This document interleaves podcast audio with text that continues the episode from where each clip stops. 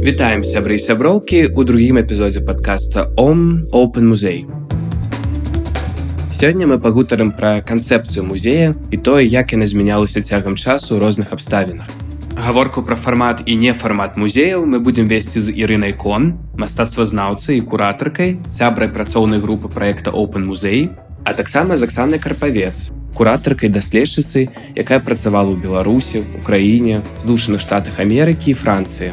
Аксана навучалася на музейных даследаваннях у нью-йоркскім універсітэце па праграме Фулбрайт, праходзіла стажыроўку ў мома нью-йорк і мома сан-францыска, навучалася на PhD праграме ў Роткерс універсітэце, а таксама курыравала выставу ў Парыжы ў сеце інтэрнацыёналь дезар.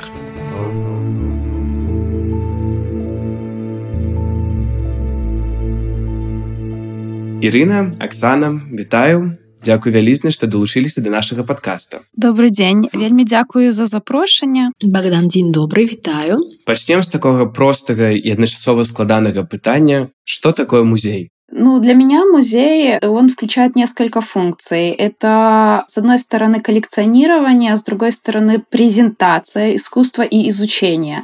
Это собирание, исследование, архивирование и презентация публики. И также он включает образовательную составляющую. Для меня музей — это время.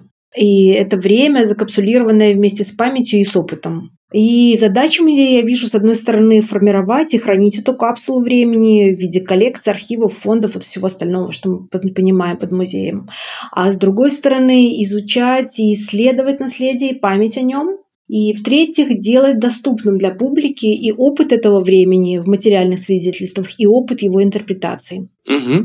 Ці было так заўжды і які трансфармацыі ў канцэпцыі разумення музея вы заўважылі за час вашай прафесійнай дзейнасці Начнем с того, что музей — это очень новая концепция, ей всего лишь 200 лет приблизительно, и э, первые музеи выглядели как такие кабинеты of curiosity, когда там в замках выставляли что-то, что было очень интересно, там портреты своей семьи или какие-то награбленные элементы из э, других стран и так далее. То есть музей изначально имел э, концепцию вот этой э, похвастаться перед кем-то, чем-то дорогим, э, чем-то таким, что удивляет. И все музеи, например, в бывших колониальных центрах, они э, состоят из очень большого количества награбленного из их колоний.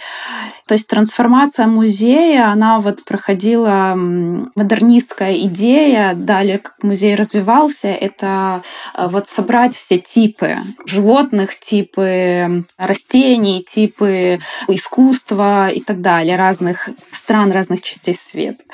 Поэтому вот это постоянное желание классифицировать все, что есть, показать прогресс, также там э, идея авангарда и модернизма, она тоже очень связана с прогрессом, что искусство это тоже показывает вот этот прогресс, движение вперед к идеальному обществу и так далее. В музее очень четко, э, он представляет очень четкую рамку, которой в определенном контексте, в определенном времени художники должны э, как-то соответствовать, чтобы в эту рамку вписываться.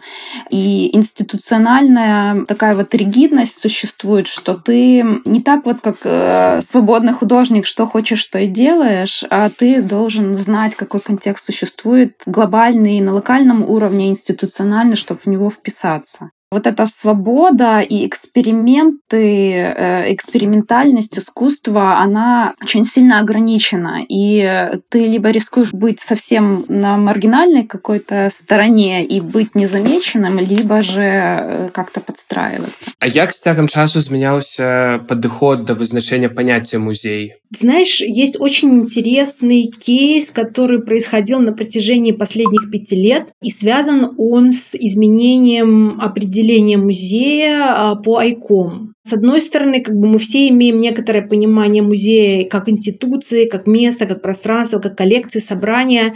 И это представление обусловлено нашим культурным опытом в первую очередь. Но эти представления, наши представления музея, они не совсем соответствуют постоянно изменяющей действительности.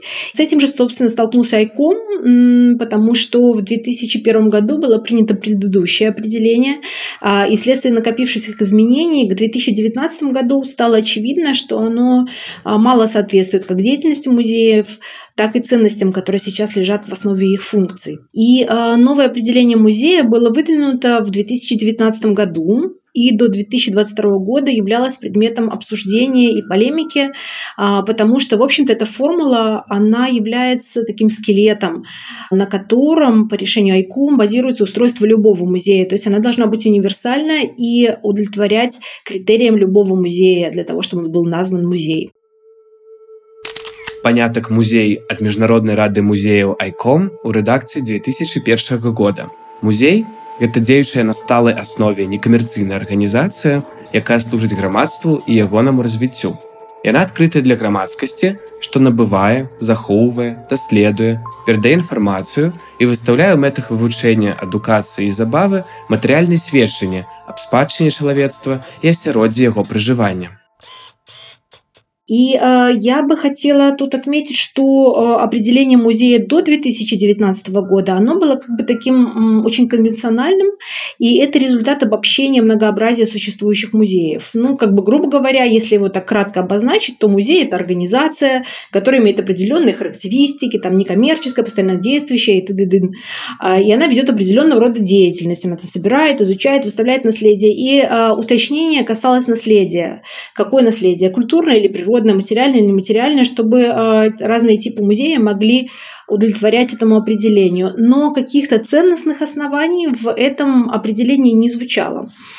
И вот здесь а, мне был очень интересен кейс определения 2019 года, потому что оно радикально отличалось от всех предыдущих. Потому что попытки определить музеи, в принципе, весь 20 век а, трансформировалось определение музея. И вот в 2019 году оно стало совершенно другим, потому что здесь появилась попытка сменить категориальный аппарат. Например, вместо организации, которая осуществляет такую-то деятельность, как было ранее, говорится о пространстве культурного диалога в котором, отталкиваясь от проблем настоящего, обсуждаются варианты прошлого и будущего. И это вот очень мощное изменение, а, связанное со временем, его прям вот очень важно отметить. Прапанаваны ў 2019 годзе панятак. Музеі гэта прасторы дэмакратызацыі, інклюзіі і паліфаніі меркаванняў, створаныя для крытычнага асэнсавання і абмеркавання мінулага ды будучыні.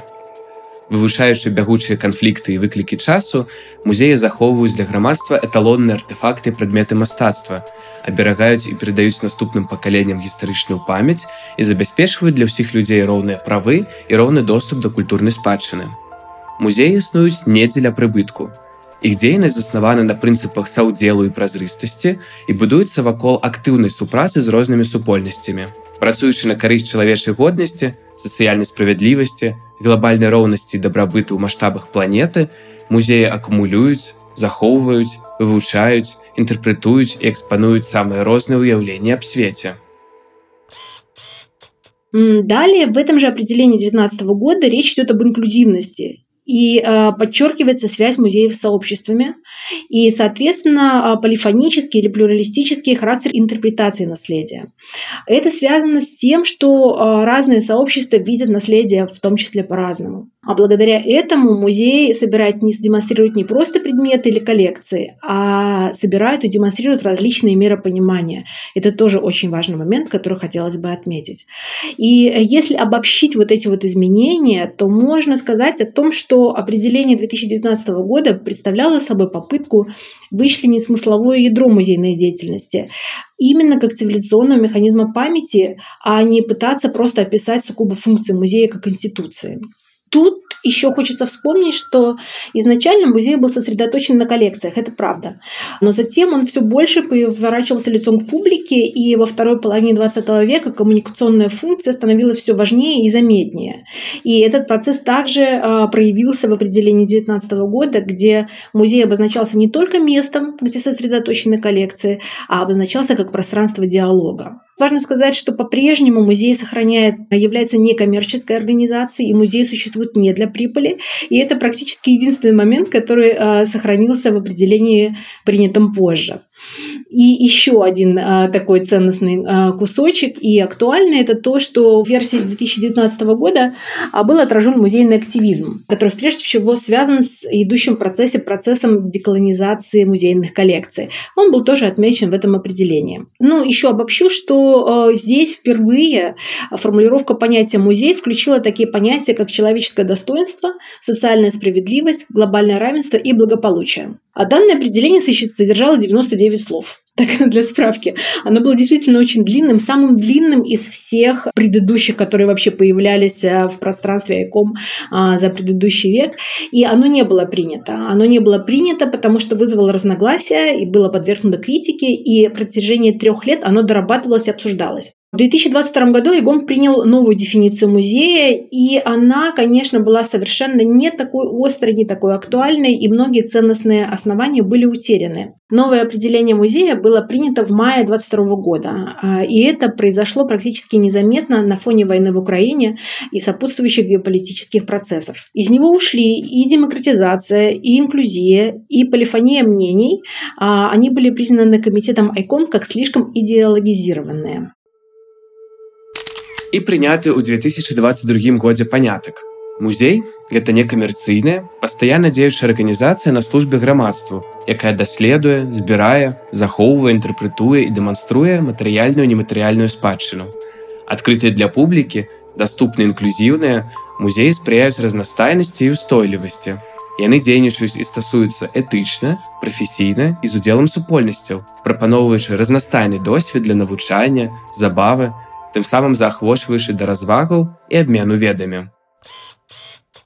Вось вы ўзгадалі пра мадэрнісцкі падыход да разумення канцэпцыі музея, Чаму мадернистский подход больше не адпавядае выклікам цяперашняга часу? Ну, сложно сказать, потому что он не очень рефлексивный. Я просто ну, сделала какие-то наблюдения свои, как работа попадает в коллекцию музея.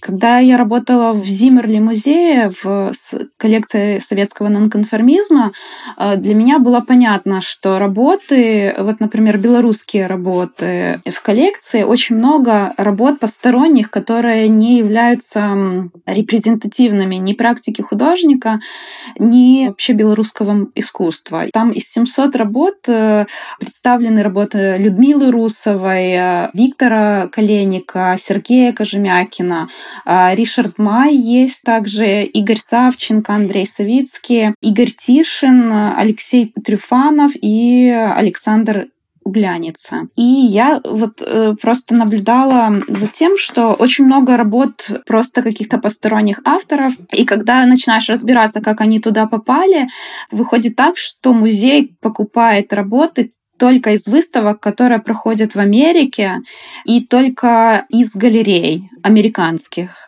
То есть, например, какая-то галерея привезла работы, и что, что у них было, то музей купил. Работа туда попадает, вот купленная в галерее художника белорусского, а она там лежит без какого-то контекста. То есть никто не знает. Э, кураторка коллекции «Москвичка», которая 10 лет курирует выставки, ей не очень интересно разбираться в украинском или белорусском искусстве, и работа там лежит без какого-то контекста, ее никто не изучает.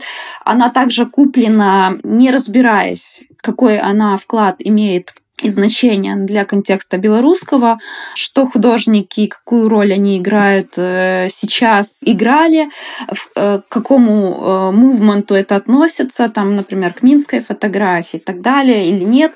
Никаких данных нет. Работа просто лежит. Ее куратор использовать, даже если куратор поменялся, не очень может, потому что он не знает контекста, потому что по ней не написано каких-то исследований на английском языке. И вот эти работы лежат 10 десятилетиями вот купленные вот так. И я думаю, что вот проблема модернистского музея и коллекционирования — это желание собрать то, что трендово, и то, что вот по кусочкам вот мне нужно собрать постсоветское пространство, я его собираю. Или вот идет война в Украине, или проблемы в Беларуси, мне вот у нас ничего нет по белорусскому искусству, хорошо, я иду в галерею, что у нас тут? А, вот такая вот выставка, я вот куплю эти работы, не разбираясь дальше, не идя. И выходит такая ситуация, что эти работы как бы застревают в таком лиминальном пространстве. Э, и они не репрезентованы. И плюс тут э, большая колониальная история, что российское искусство имеет привилегию и имеет специалистов, э, и имеет инфраструктуру. Например, в американских университетах, если ты хочешь учиться на докторской программе по истории ну, искусства, ты не можешь именно на истории искусства нет ни одного специалиста, который бы занимался белорусским искусством или украинским искусством. Ты идешь э, к человеку, который занимается российским искусством, которых тоже не так много. И у тебя нет выбора. Тебе нужно найти адвайзера, чтобы попасть на программу. И ты идешь тому, кто занимается российским искусством. И, соответственно, они начинают, они зная твоего контекста и не желая знать, они начинают как бы вмешиваться в процесс исследования и так далее. Во Франции тоже ситуация с коллекциями очень похожая. Есть такая одна э, самая большая коллекция КНАПа, это Центр пластических искусств национальный, и он связан со всеми музеями, с Дарсе, с Помпиду.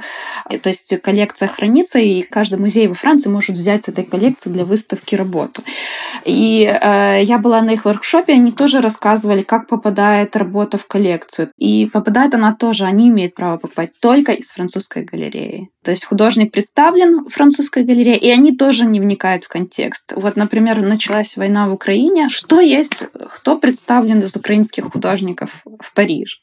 И там представлено два человека, и эти два человека, они в этой коллекции, в каждой коллекции других музеев как бы вот эта трендовость с одной стороны и со второй стороны нежелание вникать в контекст, вот она формирует репрезентативность белорусского искусства за границей. И не нужно ни от кого ждать, что кто-то будет э, вникать, потому что э, знания нужно производить самим. Почему э, модернистская идея не соответствует сегодняшнему дню? Потому что она, первое, заточена на то, чтобы собрать категории. Второе, она очень связана с мейнстримом, что вот трендово, там война, революция.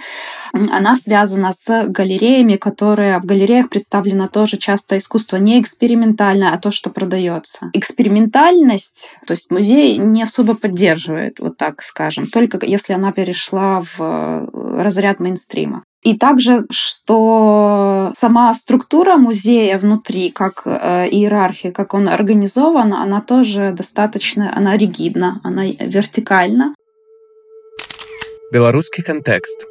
Гісторыя музейнай справы ў Беларусі цесна звязана з еўрапейскай гісторыяй І вядзе свой адлік з часоў вялікага княства літоўскага ад прыватных калекцый князёў радзівілаў і сапегаў. Першы прыватны музей старажытнасцю беларускай культуры з публічным доступам быў адкрыты ў лагойску у 1842 годзе у замку братоў тышкевішаў. Потым ён быў перанесены ў вільню і пасля задушэння паўстання кастуся каліновскага быў ліквідаваны. У выніку калекцыя, што налічвала каля 13 тысяч экземпляраў, была амаль цалкам страчана. Вялікая колькасць матэрыяльнай культурнай спадчыны Беларусі таксама панесла страты з прычыны каланізатарскай палітыкі расійскай імперыі цягам усяго 19 стагоддзя у віхурах рэвалюцыі 17 -го года і асабліва другой сусветнай вайны. Найбольш вядомым прыкладам стала страта падчас акупацыі крыжаю фрасіні полацкай, які дасюль не знойдзены.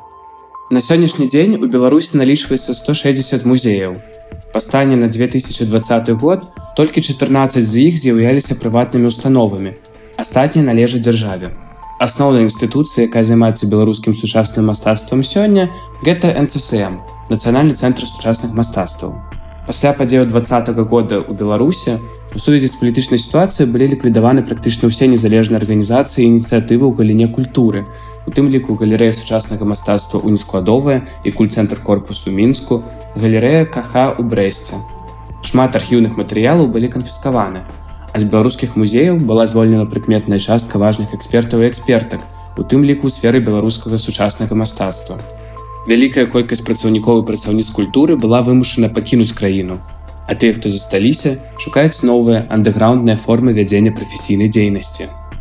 Адмыслова для гэтага эпізоду мы таксама атрымалі каментар ад ольгі архіпавай, музейнай супрацоўніцы, мастацтвазнаўцы, куратаркі, заснавальніцы кіраўніцы онлайн-архіва беларускі авангард, якая таксама працяглы час працавала ў нацыянальным мастацкім музеі Рэспублікі Беларусь. Ну, прежде всего, наверное, я должна сказать о том, что поскольку я работала в Государственном музее, то там главные основные функции – это, конечно, сохранять и популяризировать. Поэтому основная работа велась по реставрации и по изучению и каталогизации тех коллекций, которые находятся в музее. То есть, когда ты работаешь научным сотрудником в Национальном художественном музее, то твоя первая функция – это, конечно, изучить всю коллекцию, э, выяснить, какие в ней авторы, какие произведения, какого периода. Все это каталогизируется, каждое произведение изучается по огромному огромному количеству ну, направлений, да, то есть э, сколько работ того или иного художника, что они из себя представляют, о чем они рассказывают, чего не хватает в коллекции. И, соответственно, ведется вот такое исследование. А, и поэтому для меня музей – это, конечно, прежде всего собирание и рассказывание о каких-то очень важных вещах для белорусского искусства в данном контексте это было, и поэтому именно этим ну, вот я занималась на протяжении работы в Национальном художественном музее. А, безусловно, некоторые вопросы практически нерешаемы, невозможно найти тех или иных авторов, которые были связаны с историей белорусского искусства, но все равно это все такая бесконечная, безостановочная работа по исследованию и изучению, да, то есть занимались, э, безусловно, и атрибуциями произведений, потому что существует э, большое количество произведений неизвестных художников. То есть это, конечно, для меня это исследование. Музей – это исследование, которое э, очень широкого спектра, поскольку он относится к абсолютно всем направлениям, которые существуют в музее ведения. Поэтому, наверное, вот такой мой ответ.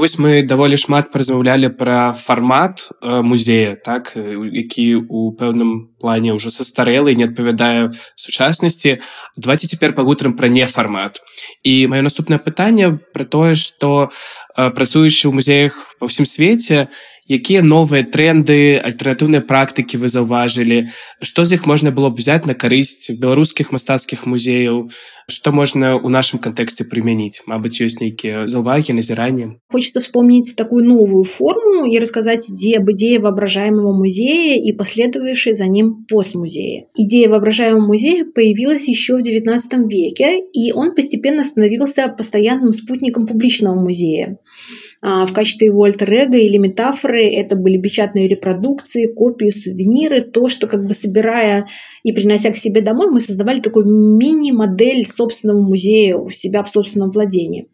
Затем концепция воображаемого музея была развита Андре Мальро, и в его представлении это был идеальный музей искусства, который каждый сам собирает в своей памяти, наполняя значимыми для себя произведениями. И, в общем-то, сегодня, когда мы являемся свидетелями появления виртуальных галерей, там, нематериальной музеологии, выставок в трехмерных пространствах. А, это все еще больше развивает концепцию воображаемого музея. И, с одной стороны, он как бы воссоздает прошлое, как бы мы коллекционируем, собираем свою память, таким образом реконструируя ее, но в то же время он направлен в будущее. И вот это вот как бы предвкушение а, отчасти привело и к появлению постмузея. Термин «постмузей» был придуман для описания нового типа учреждения, в которое музей, очевидно, трансформируется сегодня. И в первую очередь оно связано с тем, о чем я уже говорила, это с ощущением устаревания основных принципов и ценностей, которые на протяжении многих веков составляли основу европейской цивилизации. Они были, в принципе, представлены в таких так называемых больших нарративах или больших великих сказках и проявлялись и в философии, в религии, в искусстве, в том числе в музеях, в общем-то, собственно, на протяжении 20 века. И можно сказать, что постмузей до конца не сформировался, но некоторые его ключевые характеристики уже определены. Я перечислю их и потом а, расскажу подробнее. Во-первых, конечно, важно отметить, что музей а, стремится стать более открытым и демократичным, чем был раньше, и он полностью меняет свои отношения со зрителями. Это коммуникативная функция, о которой я говорила в начале нашей беседы. Далее, музей более не претендует на роль единственного интерпретатора своих коллекций. А, музей признает, что могут быть разные интерпретации точки зрения на события прошлого. И тут акцент смещается от грандиозного повествования вот этих больших нарративов к серии зарисовок или эпизодов, может быть, к очень личным историям. Им всем находится место в музее. А тут же э, про инклюзивность, что постмузей он стремится быть местом для всех. Он обеспечит представительство и отдельных групп, и культурных сообществ на различных платформах. И э, в этом месте концепция музея начинает выходить за рамки физического здания. Например, это могут быть отдельные музейные проекты на разных площадках. Это может быть и э, виртуальное пространство, это могут быть как и какие-то сопутствующие мероприятия. И, в общем-то, из здания он превращается в платформу или площадку. Тоже важный момент. Э, далее э, тоже про инклюзию, что постмузей все-таки охватывает теперь широкий спектр субкультур, и в том числе маргинализированные. Важный момент э, – это присутствие в интернете, присутствие в, на веб-сайтах, присутствие в социальных сетях, э, взаимодействие со зрителем, и это все больше открытость и доступность коллекции. Если мы помним оцифрованные коллекции великих музеев, выложенные все за последние несколько лет, это действительно большой опыт э, увидеть в огромном, например, в разрешении те произведения искусства, которым было бы сложно подойти в физическом пространстве, находясь в здании музея. Можно сказать, что диалог с аудиторией – это главная цель постмузея, и вот э, виртуальный музейный опыт этому очень способствует. Ну и еще одна такая важная вещь – это то, что музеи все-таки становятся местами для соучастия. А когда публика а, получает возможность выразить свое желание взаимодействовать, принимать участие в деятельности музея, творить в, даже в стенах музея, вспомнить всякие мастер-классы, воркшопы, все то, что часто сопровождает сейчас выставки.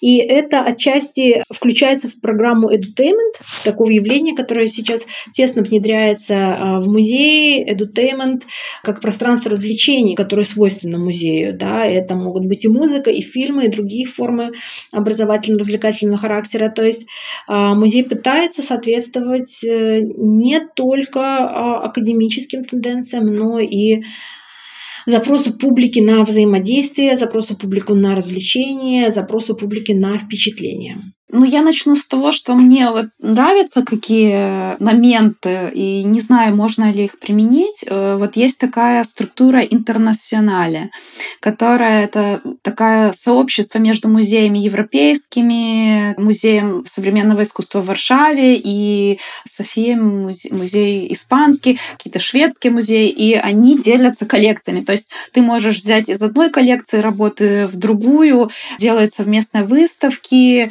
какие какие-то исследования делают вместе. То есть вот эта идея мигрирующей такой коллекции, которая может быть и там, и там презентована, вот это мне очень нравится. Э, я не знаю, как в Беларуси вот это возможно, когда нет вообще коллекции, например, современного искусства нормальной. Какие еще моменты? Я также была на нескольких таких презентациях и воркшопах. Вот э, мне понравилось, как работает э, в Армении, например. Тоже э, у них очень большая проблема, что нет инфраструктуры, нет государственного финансирования сферы, и у них есть НГО, которая тоже у них такая мигрирующая коллекция, которая переходит из одно, одного культурного центра в другой, и это между такими частными институциями. Я думаю, вот эта солидарность, она очень важна. Связи, солидарность между разными игроками. На этом воркшопе были представители и Молдовы, и Армении, и Украины, и я поняла, что все приблизительно, ну и зная белорусский контекст, очень не хватало, конечно, открытого музея, потому что это было бы вот в тему, чтобы тоже этим опытом поделиться. И я думаю, что нужно вот эти контакты с странами в такой похожей ситуации, как мы, налаживать в сфере искусства и искать совместные, например, гранты на продукцию э, публикаций. Э, тоже, я думаю, что это возможно. И, наверное, обмен работами какой-то возможен с такими же институциями не формата, как открытый музей. Также работа с, например, SES ArtsLink. Я знаю, что они тоже делают программу поддержки художников вне институций. И они тоже хотели делать какую-то конференцию в Берлине, насколько я знаю по вот этим неформатам музея. Что еще нравится из такой музейной практики, если думать про музей как э, и коллекцию, и э, архив, и исследование, и образование, то я думаю, что да, коллекция должна быть наверное, такая, которая могла бы быть, переходить к другим культурным институциям и показываться, использоваться другими, и не было на ней такого нависающего, что вот это моя коллекция, например, как в Украине в Пинчук-арт-центре. А, Пинчук-арт-центр имеет очень хорошую коллекцию, но даже исследователи не имеют до нее доступа и никто не знает, что в этой коллекции находится. Э, то есть э, коллекция должна быть публично доступна, она должна перемещаться, она должна, если есть белорусы в Литве или там Польше или Берлине, чтобы ей могли пользоваться не только э, одни люди. Потом вот исследовательская инфраструктура, если нет музея, то вот эта исследовательская инфраструктура должен быть какой-то план развития на будущее, мне кажется какой-то план, что, например, мы выпускаем вот это, вот это, вот это, и там книгу по современному искусству, там по определенным направлениям, вот кто-то минскую фотографию, кто-то живопись, кто-то там перформанс исследует. Какие-то публикации должны быть. Очень много есть, как в Украине проблема тоже, так и в Беларуси. Вот белорусское искусство сегодня, украинское искусство сейчас, вот белорусское искусство во время революции, там такой срез э, давать. Мне кажется, пора уже немного сфокусироваться вот на определенных, как-то более детально перформанс и уделить ему детальное исследовательское э, внимание. Там художники Беларуси в Дюссельдорфе, там художники вот фотографии. И вот эти исследования собрать, например, в одну какую-то книгу. И если не хватает экспертизы, потому что образование историкам искусства мало кто имеет. Можно пригласить каких-то менторов, которые помогли бы белорусам развить вот эти статьи на каком-то исследовании, которое превратилось бы в статью на каком-то таком супервысоком уровне.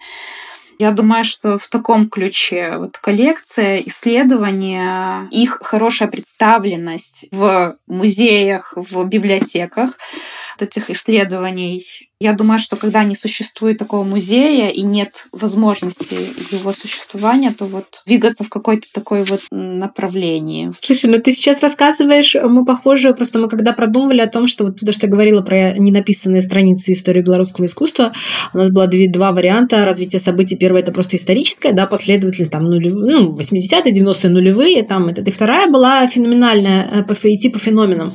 Я предлагала такую штуку, что мы берем отдельно перформанс в белорусском искусстве, отдельно тело в белорусском искусстве, отдельно фотография. И вот такие вот ключевые концепции, которые ложатся и объединяют в себе вот эти внутри разных исторических периодов. То есть по десятилетиям рассмотреть один и тот же феномен, как он трансформировался, да, вплоть до сейчас. И а, да, мы сейчас опять работаем, ну, то есть мы не оставляем идею все-таки провести исследовательскую школу по, в Дюссельдорфе на основе опытов художников, эмигрировавших в 90-е годы, белорусских художников, и а, сделать все-таки попытаться осмыслить художниками и авторами-исследователями этот феномен на нескольких уровнях, то есть и художественном, и а, таком академическом, чтобы потом эти статьи могли быть включены в корпус знания. Так что я прям слышу тебя и радуюсь, потому что это ну, такое подтверждение тем мыслям, которые мы уже тоже вынашиваем не первый месяц. Это сапраўды вельмі натхняльныя прыклады і я рады чуць што open музей яго каманда таксама рухаецца ў напрамку дэцэнтралізаванага намадычнага музея з акцэнтам на даследаванні і як мне падаецца гэта сапраўды такі пэўны нефармат для цяперашняга канцэпта музея. Аднак іншы аспект ён звязаны яшчэ і з унутранай арганізацыі проекта open музей. І зараз я хацеў бы абмеркаваць з вами механізм па фарміраванні экспертнай рады open музей. Ірина распавядзіце калі ласка падрабязнасці якім чынам працоўная група мае за мэту ажыццяўлення гэтага працэсу? А мы как рабочая группа сразу решили что мы не будем определять политику и содержание деятельности музея поскольку э, музей э, нацелен на то, чтобы собрать вокруг себя максимальное количество профессионалов и экспертов из Беларуси, которые сейчас везде находятся, да, чтобы мы этот опыт не растеряли, находясь в эмиграции. И наша идея такова о том, что каждые три года на основе Open Call будет формироваться экспертный совет музея. Это 8-12 человек, профессионалы в разных сферах а, современного белорусского искусства, возможно, с включением а, и наших а, иностранных коллег, да, которые, определяя, собираясь, определяют повестку работы музея на ближайшие три года. Это может быть какое-то либо одно приоритетное направление, либо несколько, в которые они считают важными, актуальными на данный момент времени реализовать. Это может быть как и пополнение коллекции, да, отсматривание выставок, отсматривание громких проектов или неизвестных проектов, и те работы, которые должны были бы оказаться в коллекции музея за эти три года, они там должны оказаться. То есть они осуществляют вот этот отбор с одной стороны. С другой стороны, они выбирают приоритетное направление. Будет ли это какая-то крупная групповая выставка или проект, например, либо это, наоборот, будет издание книги, монография о белорусском искусстве, либо это будет серия, например, публичных мероприятий, может быть, artist talk, либо конференции, либо еще что-то. То есть, собираясь, экспертная группа вырабатывает для себя повестку на три года и в течение трех лет осуществляет ее, после чего предъявляет, ну, как бы бы демонстрирует результаты своей работы, что было сделано за это время, что получилось, что не получилось, что оказалось там, где мы сейчас находимся, и передает свои полномочия следующему экспертному совету, который также на основе Open Call избирается на следующие три года. А, таким образом, мы хотим обеспечить прозрачность функционирования музея, прозрачность его деятельности, а подключение а, профессионалов, да, чтобы его работа осуществлялась не узкой группой а, заинтересованных лиц, да, которые 20 лет не меняются и как бы сидят на своих должны, своих креслах и знают, что вот они реализуют, а поскольку по моему глубокому убеждению невозможно, профессиональная деформация наступает э, очень быстро в любых условиях, где бы ты ни находился, будь то глава государства, либо глава музея, да, это неизбежно через там, 10 лет все а вот, поэтому вот эта вот сменяемость, э, вот эта вот прозрачность и а, максимальная экспертиза – это те принципы, которые мы ставим в приоритет и а, хотели бы реализовать его с помощью вот такой вот э, экспертного совета. Как тебе это слышится и как ты вообще думаешь, э, возможно это, невозможно? Может, что-то ты могла посоветовать вообще, вот как ты видишь? Видела ли ты рабочие примеры таких организаций, которые бы работали по такому принципу? Наверное, в СИТЕ, где я была на резиденции, СИТЕ Интернациональ Дезарт, в Париже. Это самая большая резиденция, там одновременно находятся 300 художников. У них тоже есть совет из независимых э, людей, которые решают, как двигаться институции, и которые сменяются и выбирается. И мне кажется, что это такая демократическая достаточно структура. Ну, то, что ты проговорила, мне э, очень нравится, то, что вот сменяемость есть э, один раз в три года, то, что э, каждый занимается каким-то направлением, направлением своим, в котором он может реализоваться и которое ему интересно. И что совместно можно выстраивать вот эту вот программу долгосрочно. А долгосрочность вот это вот все. То, что у нас никогда не, не было планирования в культурной сфере, в, э, в сфере искусства, и все там спорадически э, происходит, вот это основная проблема. Когда есть планирование и постоянный какой-то э, видение там на несколько лет вперед, тогда вот может быть какой-то результат. И Главное, наверное, понимать, какие цели конечные. Возможно, их никогда и не достигнется в таком плане, но куда все двигаются, и чтобы была вот эта солидарность, объединение в, в этом направлении. А, помнишь работу Лёши Лунёва «Ничего нема»? И вот это вот «Ничего нема» касается, можно приложить к любому с ней можно сделать перформанс в музее, прийти и приложить ее в любой практически зал, да, и сказать «Ничего нема», да. Алексей Лунёў, сучасны беларускі мастак, куратар, калекцыянер. Яго графічная праца нічога няма ператварылася ў іканічны твор беларускай культуры і стала крытычным часам карыкатурным сімвалам сітуацыі сістэмы беларускага сучаснага мастацтва перыяду нулявых гадоў. А намаляванае словазлучэнне на беларускай мове нічога няма, набыло номінальнае гучанне. И чтобы этой ситуации не было, да, то есть как бы ну, просто и я, и мои коллеги, мы чувствуем, знаешь, некую ответственность за то, что происходит именно сейчас, да, потому что хотя мы хотя бы можем это сохранить, описать и показать, и исследовать о том, чтобы не было той ситуации, когда наши там следующее поколение окажется в ситуации с работой, ну, с ничего нема.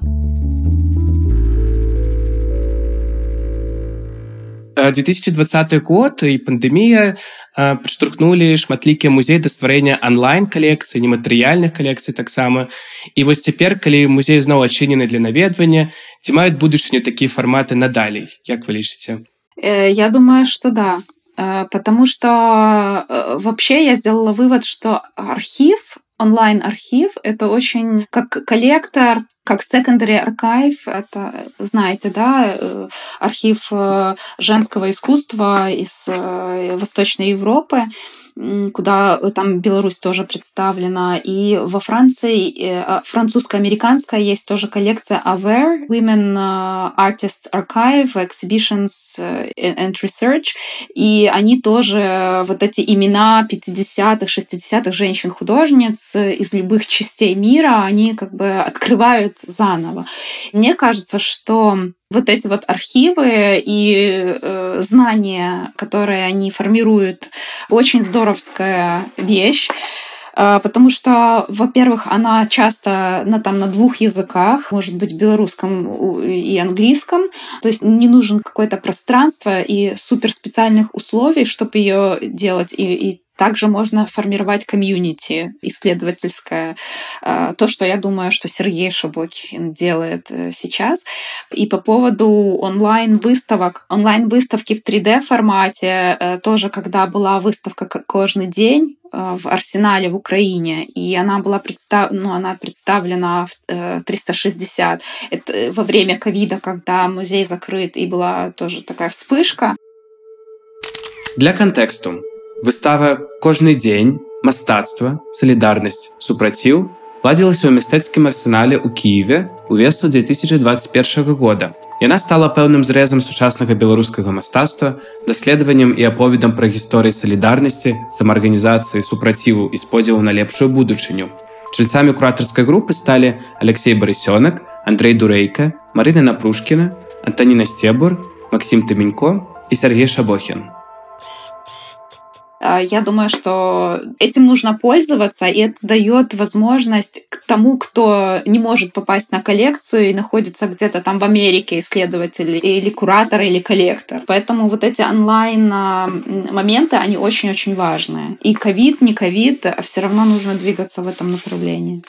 Я цалкам згодны тому что калі напрыклад кожны дзень адбывалася выстава ў кіеве я сам заходзіўся лондон пісаў свою магістарскую і у тым ліку дзякуючы магчымасці патрапіць віртуальна у гэтую прастору гэта конечно адкрыла для мяне зусім іншае вымярэнне і акцэнт э, гэтай выставы але калі мы кажам пра непрафесійную супольнасць так то бок для звычайнай аўдыторыі вось гэтая перанасычанасць візуальным і віртуальным праз яку мы праходзім штодня там сацыяльнай сеткі і навіны. Ці можа гэта адштурхнуць якраз такі звычайную аўдыторыю ад наведвання такіх музеяў? Гэта застаецца толькі як архіў ці тут можна адшукаць неяк баланс Мне кажется, что есть разные форматы на разную аудиторию. Для более аудитории, которая не очень э, знакома с э, сферой искусства, современного искусства, э, тоже нужно искать свой специфический формат, чтобы ее привлечь.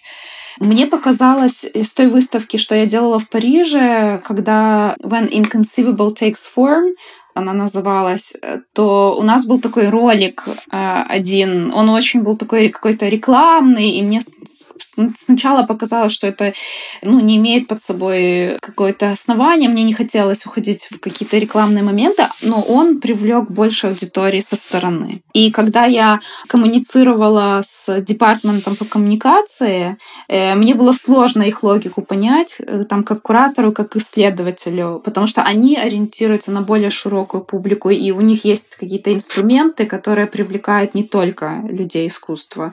Как, как они коммуницируют, какие какие материалы они делают. Э, то есть я для себя открыла, что это тоже важно. Дифференцировать аудиторию и знать конкретно, что для какой аудитории направлено. Поэтому я думаю, что в формате онлайн тоже можно зацепить аудиторию не профильную каким-то вот специальным контентом. Наверное, коротким, наверное, визуально привлекательным, чтобы посетить э, реальное пространство или реальный архив. А насколько, как ты думаешь, вот для музея все-таки волна важна физическая материальная коллекция, либо она может быть э, сугубо виртуальной?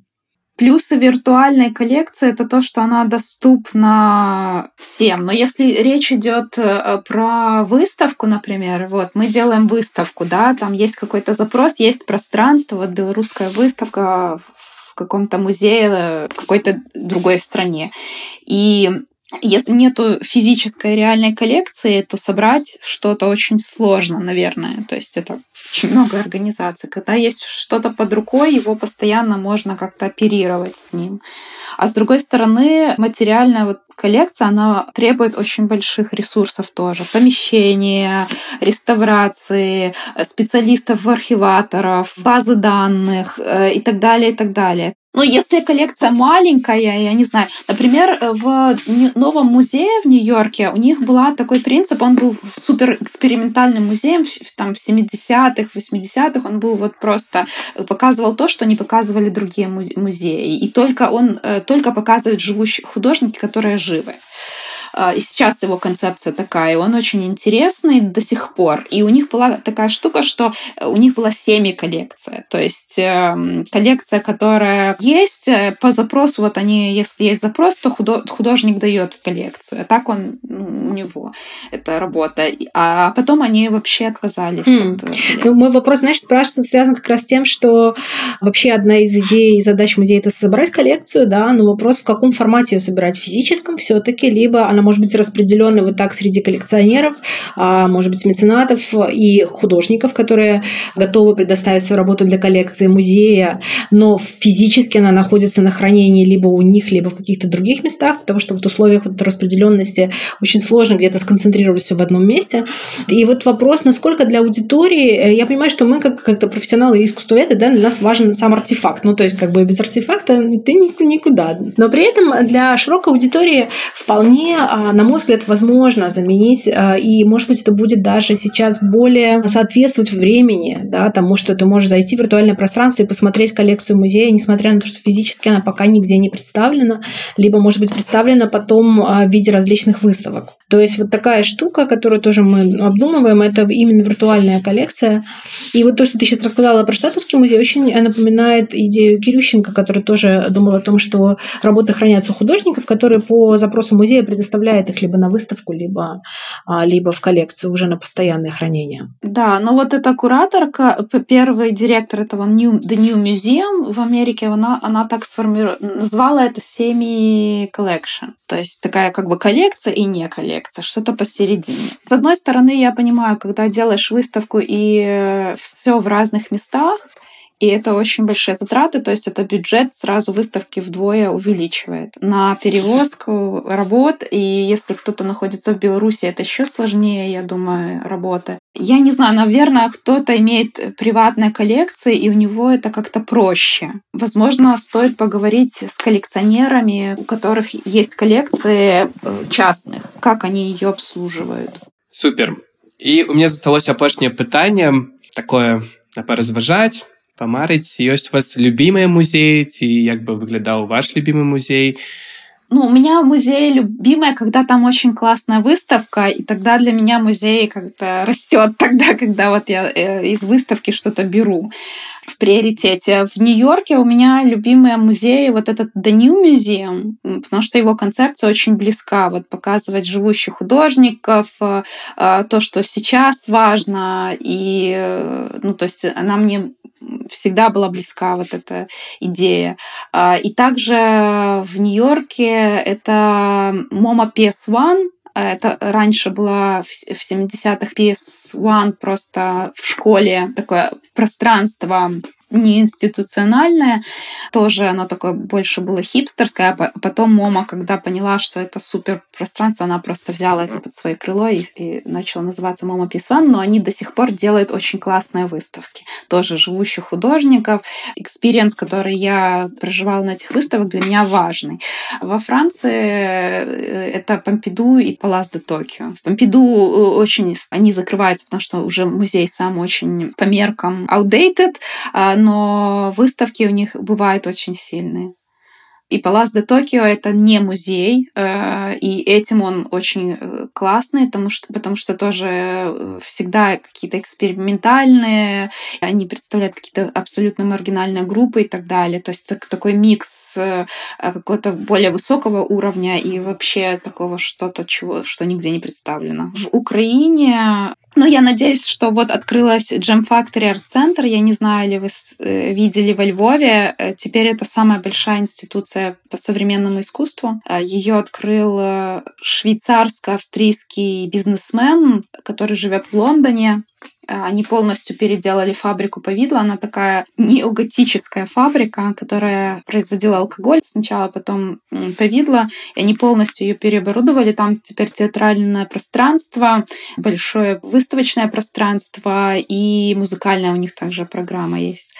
И вот они такой целый огромный комплекс. Э, и они открыли с выставкой трех кураторов, и выглядит очень все достойно. И ну, мне радостно, что я начинала с ними работать, и что они наконец-то открылись и с хорошей выставкой, и теперь они самая большая институция. Теперь вопрос, э, насколько они будут производить знания тоже. Будет ли это спорадично, или это э, как бы выставка и с разными кураторами, или будет у них видение такое более глобальное и на долгую перспективу, и какой вклад это будет вносить. Пока что, как мне кажется, с производством знаний э, работает только Пинчук Арт-центр. Там очень много тоже вопросов к тому, что они производили и производят, но у них тоже есть архив.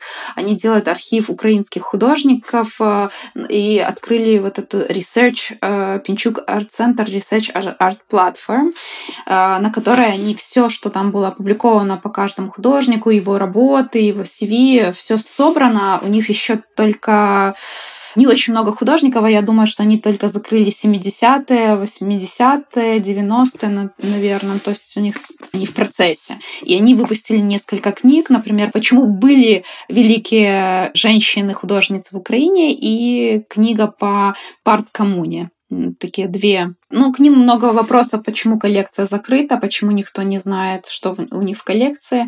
Материалу, который они производят, исследовательскому тоже вопросы есть. И арсенал, э, в котором была кожный день, я думаю, что они тоже делают важные выставки, и тоже они публикуют исследовательские материалы, поэтому, ну, вот так. Дякую.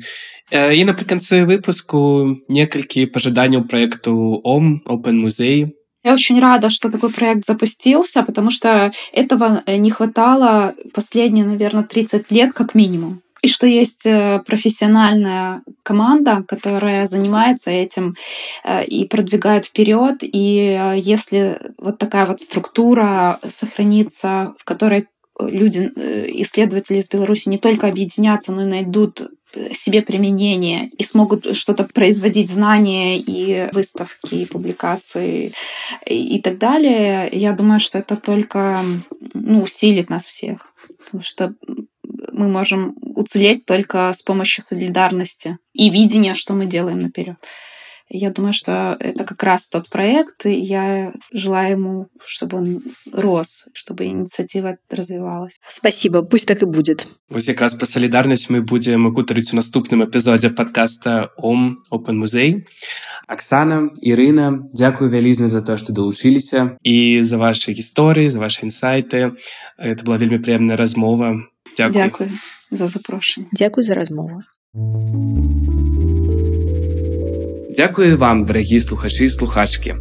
Цягам сённяшняй гутаркі мы ўзгадвалі пра важнасць салідарнасці паміж рознымі культурнымі актарамі ў працэсе пабудовы музеяў новых фарматаў, адпаведных выклікам 21 стагоддзя. У наступным эпізодзе мы падыскутуем трохі болей наконт таго, якім чынам музей становіцца інстытуцыямі, што гуртуюць і фарміруюць вакол сябе супольнасці. А таксама, як музеі спрыяюць пабудове інфраструктуры клопату, падтрымкі і салідарнасці ў неспрыяльных варунках. Таму да хуткай сустрэчы ў новым эпізодзе падкаста Ом Open музей.